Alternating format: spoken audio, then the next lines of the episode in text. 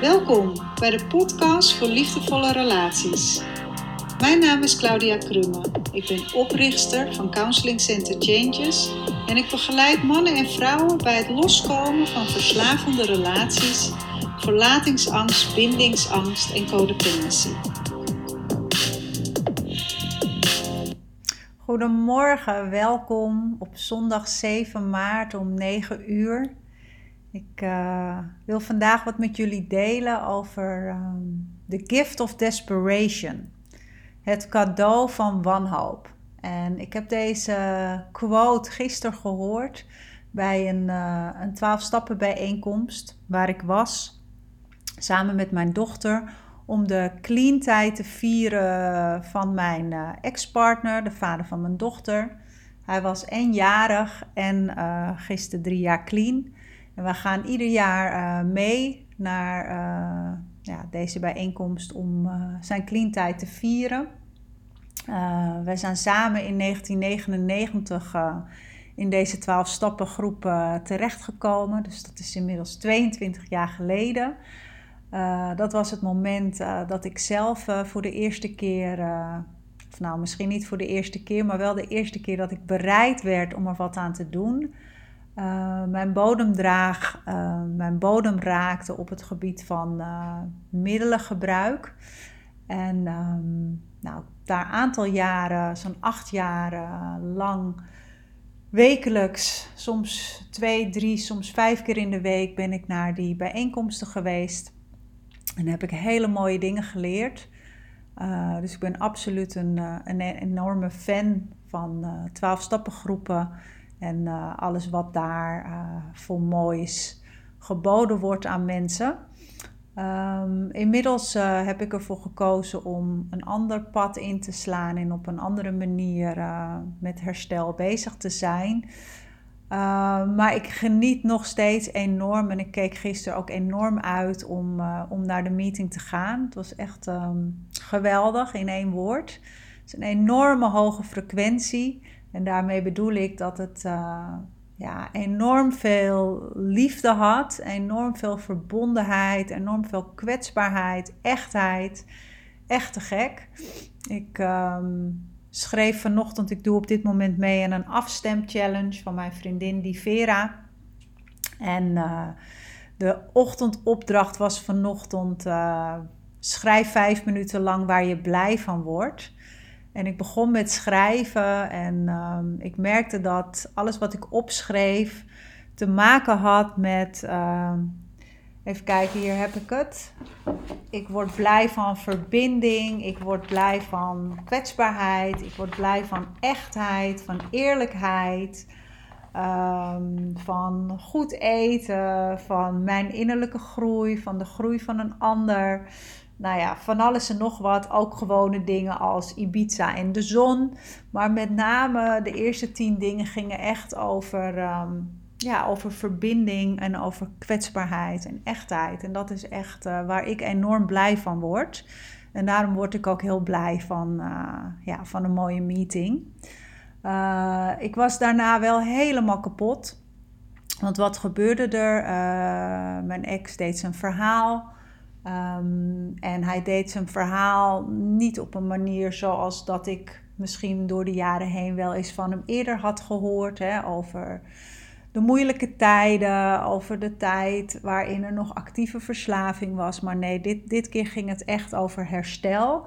Over um, ja, alle mooie dingen die op zijn pad waren gekomen. Um, nu de afgelopen drie jaar, hoe, hoe die daar zijn, zijn groei in heeft doorgemaakt. Dus het was enorm uh, mooi en uplifting uh, om, uh, om naar te luisteren. Maar het was ook uh, hier en daar heel rakend en heel kwetsbaar. En um, ik merkte dus, en dat gebeurt eigenlijk ieder jaar hoor, als ik op de meeting ben en hij zijn dankbaarheid naar mij uitspreekt en mij bedankt voor uh, nou, dat ik hem ooit uh, geïntroduceerd heb bij het programma. dat hadden we beide nodig, maar um, ik was degene die het had geïnitieerd. Uh, en de dankbaarheid voor het zorgen voor zijn dochter. Nou, dat soort zaken. En wanneer hij dat soort dingen benoemt, dan word ik enorm verdrietig, nog steeds. En dat komt dan echt vanuit heel diep van binnen. Uh, komt dat verdriet omhoog. En uh, ik schrok er gisteren een beetje van, want ik dacht, jeetje, is het nou nog niet klaar? We zijn nu inmiddels um, hè, 13 jaar uit elkaar. Het is nu toch wel klaar. Um, maar het is pas klaar als het klaar is. En uh, het lichaam ligt niet. Hè. Het lichaam vertelt gewoon uh, wat nog gevoeld mag worden. Uh, dus er kwam enorm veel omhoog. En ik merkte ook um, dat ik in de avond nog een soort kater had. Een soort down gevoel van de emotie die naar boven was gekomen. En um, vanochtend heb ik even wat tijd genomen om, uh, om daar aandacht aan te besteden. Doe op dit moment uh, naast de af, afstemchallenge van die Vera, doe ik ook nog een uh, yoga challenge van Cassandra. En um, dus dat gaf mij even de tijd en de ruimte om even te voelen van wat gebeurde er nou gisteren. En um, ik ben tot de conclusie gekomen dat het gaat over een rouwproces. He, het gaat echt over Um, over een rouwproces wat niet zomaar even voorbij is. Hè? En in de begintijd dat wij uit elkaar gingen, 13 jaar geleden, was er eigenlijk helemaal geen ruimte voor rouw. Was er eigenlijk helemaal geen ruimte om te voelen. Ik moest gewoon door. Uh, het was een kwestie van overleven, waar ik wel vaker over heb gedeeld. Hè? Of waarin ik wel eens vertel van uh, hè, hoe kom je nou van overleven naar leven. Uh, overleven betekende voor mij dat ik gewoon voor mijn kind moest zorgen. Uh, dat er brood op de plank moest komen. Dat er geld verdiend moest worden om, uh, om een huur te betalen. en tegelijkertijd fulltime voor mijn dochter te zorgen. Dus eigenlijk is er dan geen tijd voor rouw. En er is geen tijd voor te voelen. Ik moest gewoon door. En dat deed ik ook. En dat heeft me ook gebracht daar waar ik vandaag uh, ben. En natuurlijk heb ik tussendoor gerouwd en, en wel eens wat gevoeld. Maar ik denk nu, omdat uh, nu alles zeg maar rustig is en het echt zijn plek heeft gekregen. En hij vandaag de dag ook um, echt een vader is voor onze dochter. Um, dat er weer een nieuw stuk rouw omhoog komt. En dat is ook een stukje rouw over uh, dat het zo is gelopen. En uh, dat het jammer is dat het zo is gelopen. En um, het is oké. Of tuurlijk, het is oké, want het gaat altijd zoals het gaat. En het leven neemt zijn eigen stroming. Um, en wij waren hè, in elkaars leven met een bepaald doel. Nou, en een van de doelen was om, uh, om hem te introduceren in het programma. Een ander doel was om mij uh, te leren hoe mijn codependency en relatieverslavingspatronen te doorbreken. Het had een heel groot doel, uh, omdat ik vandaag de dag andere mensen, andere vrouwen ondersteun bij deze thema's en ook tegenwoordig mannen, niet te vergeten. Um, dus we hebben heel veel betekend in elkaars leven in de, in de grote lijnen. En um, dat is heel mooi. Maar ook, uh, ja, ook, ook een stukje rouw. En, en dat kon ik uh, vanochtend voelen, dat daar, uh, daar ook wat zit en dat dat ook aandacht verdient. Dus dat, dat is één ding wat ik wilde delen. En anderzijds wil ik nog even doorgaan op die prachtige quote van gisteren, The Gift of Desperation. Uh, want ik, ik hoop dat jij daar ook iets aan kan hebben.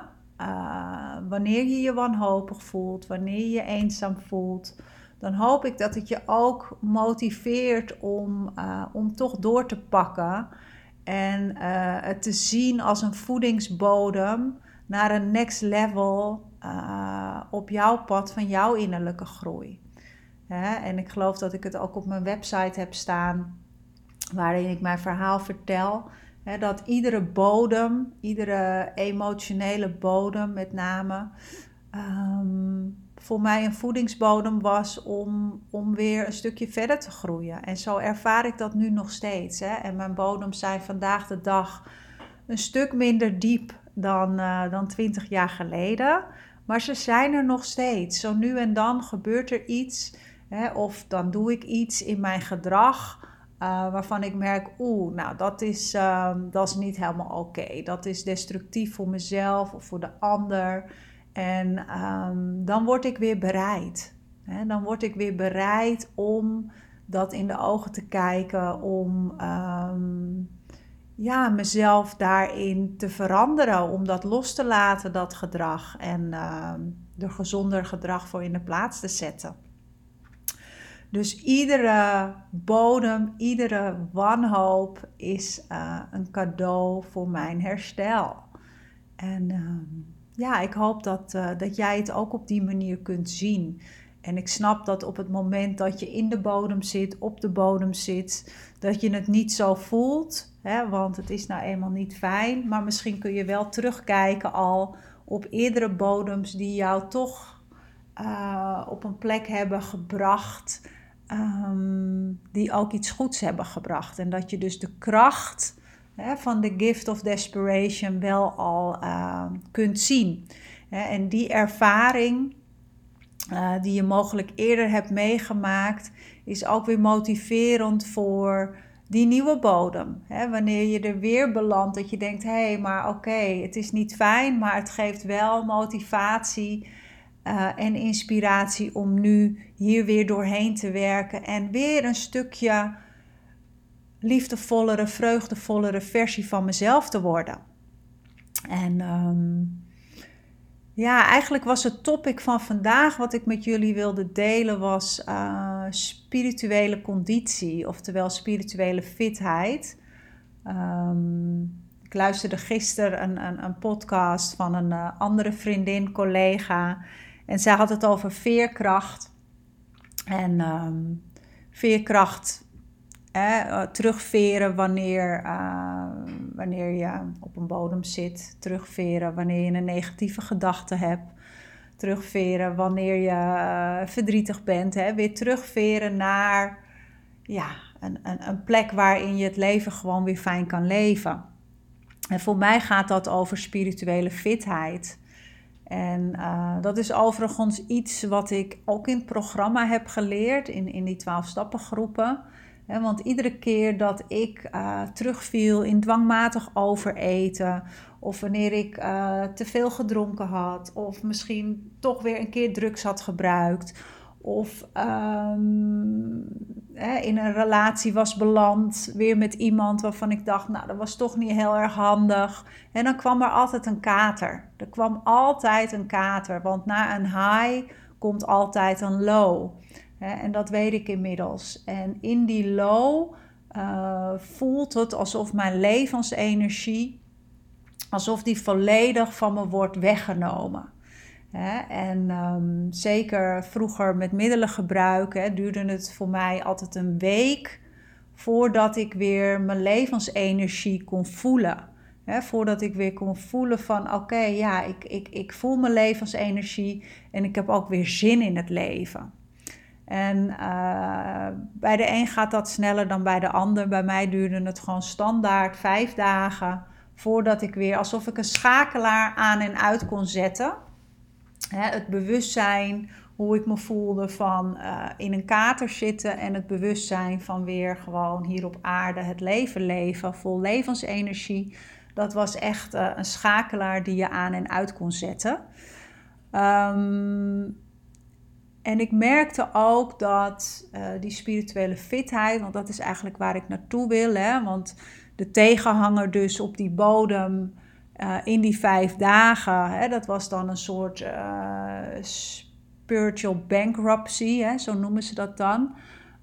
spirituele leegheid, hè, geen levensenergie hebben, naar weer een plek waarin ik me wel verbonden voelde met mezelf, met de ander, met het leven, etc.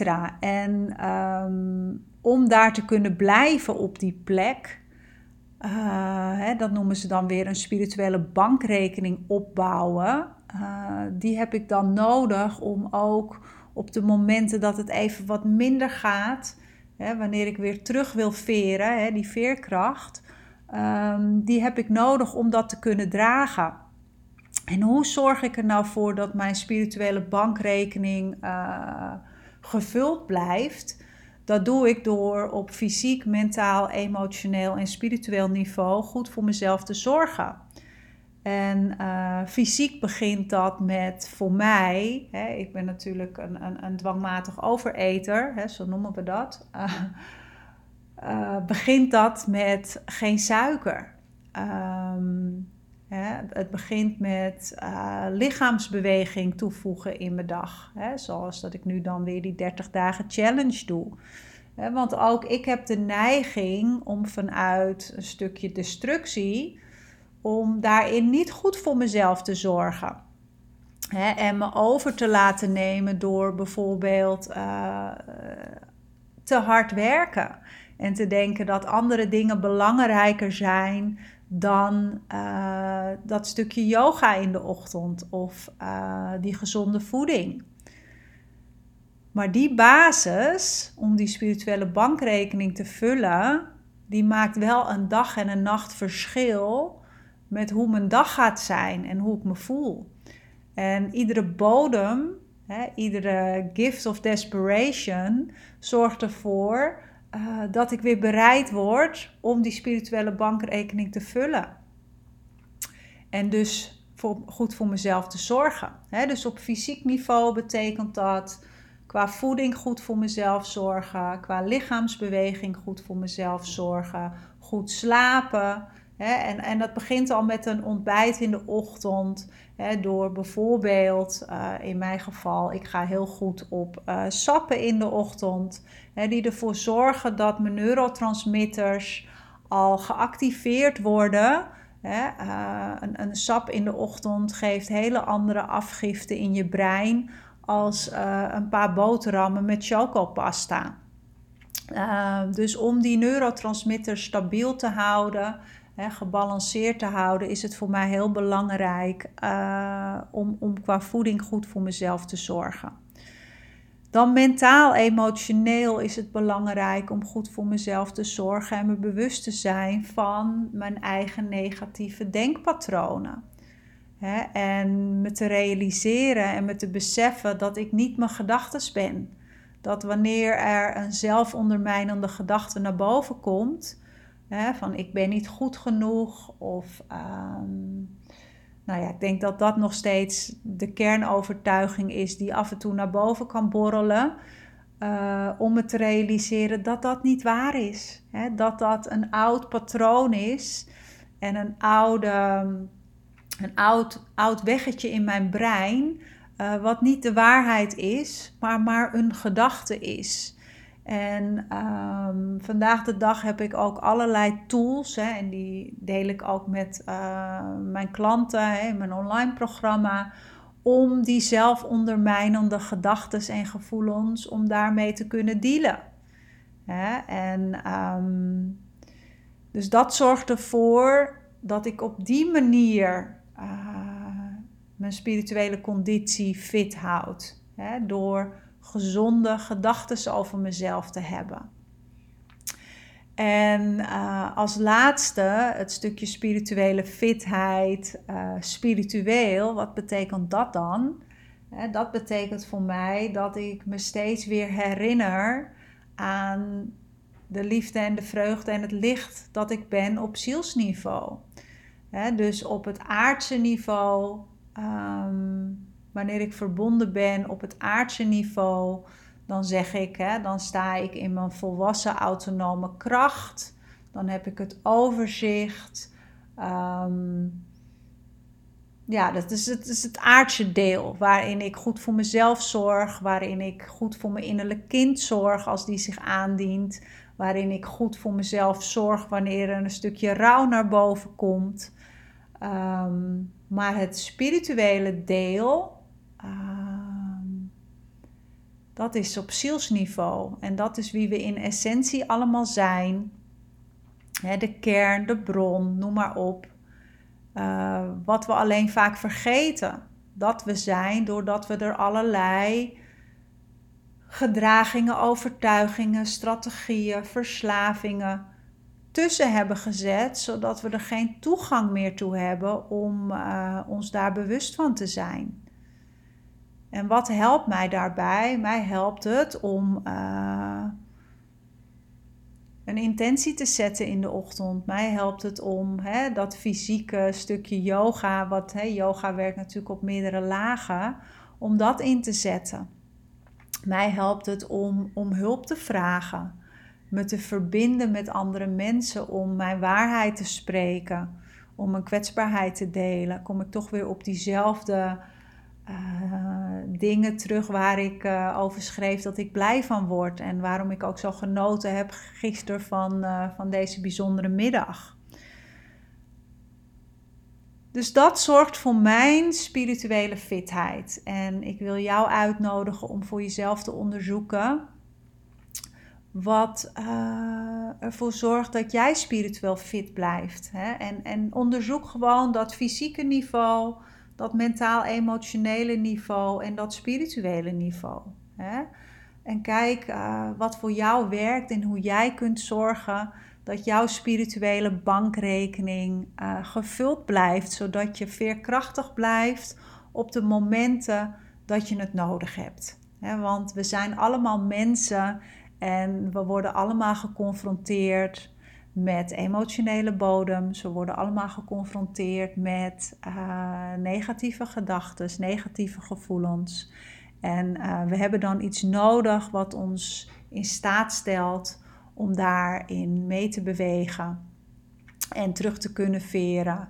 En uh, daar doorheen te komen en het los te kunnen laten en in de overgave te zijn met alles wat zich aandient op ons pad.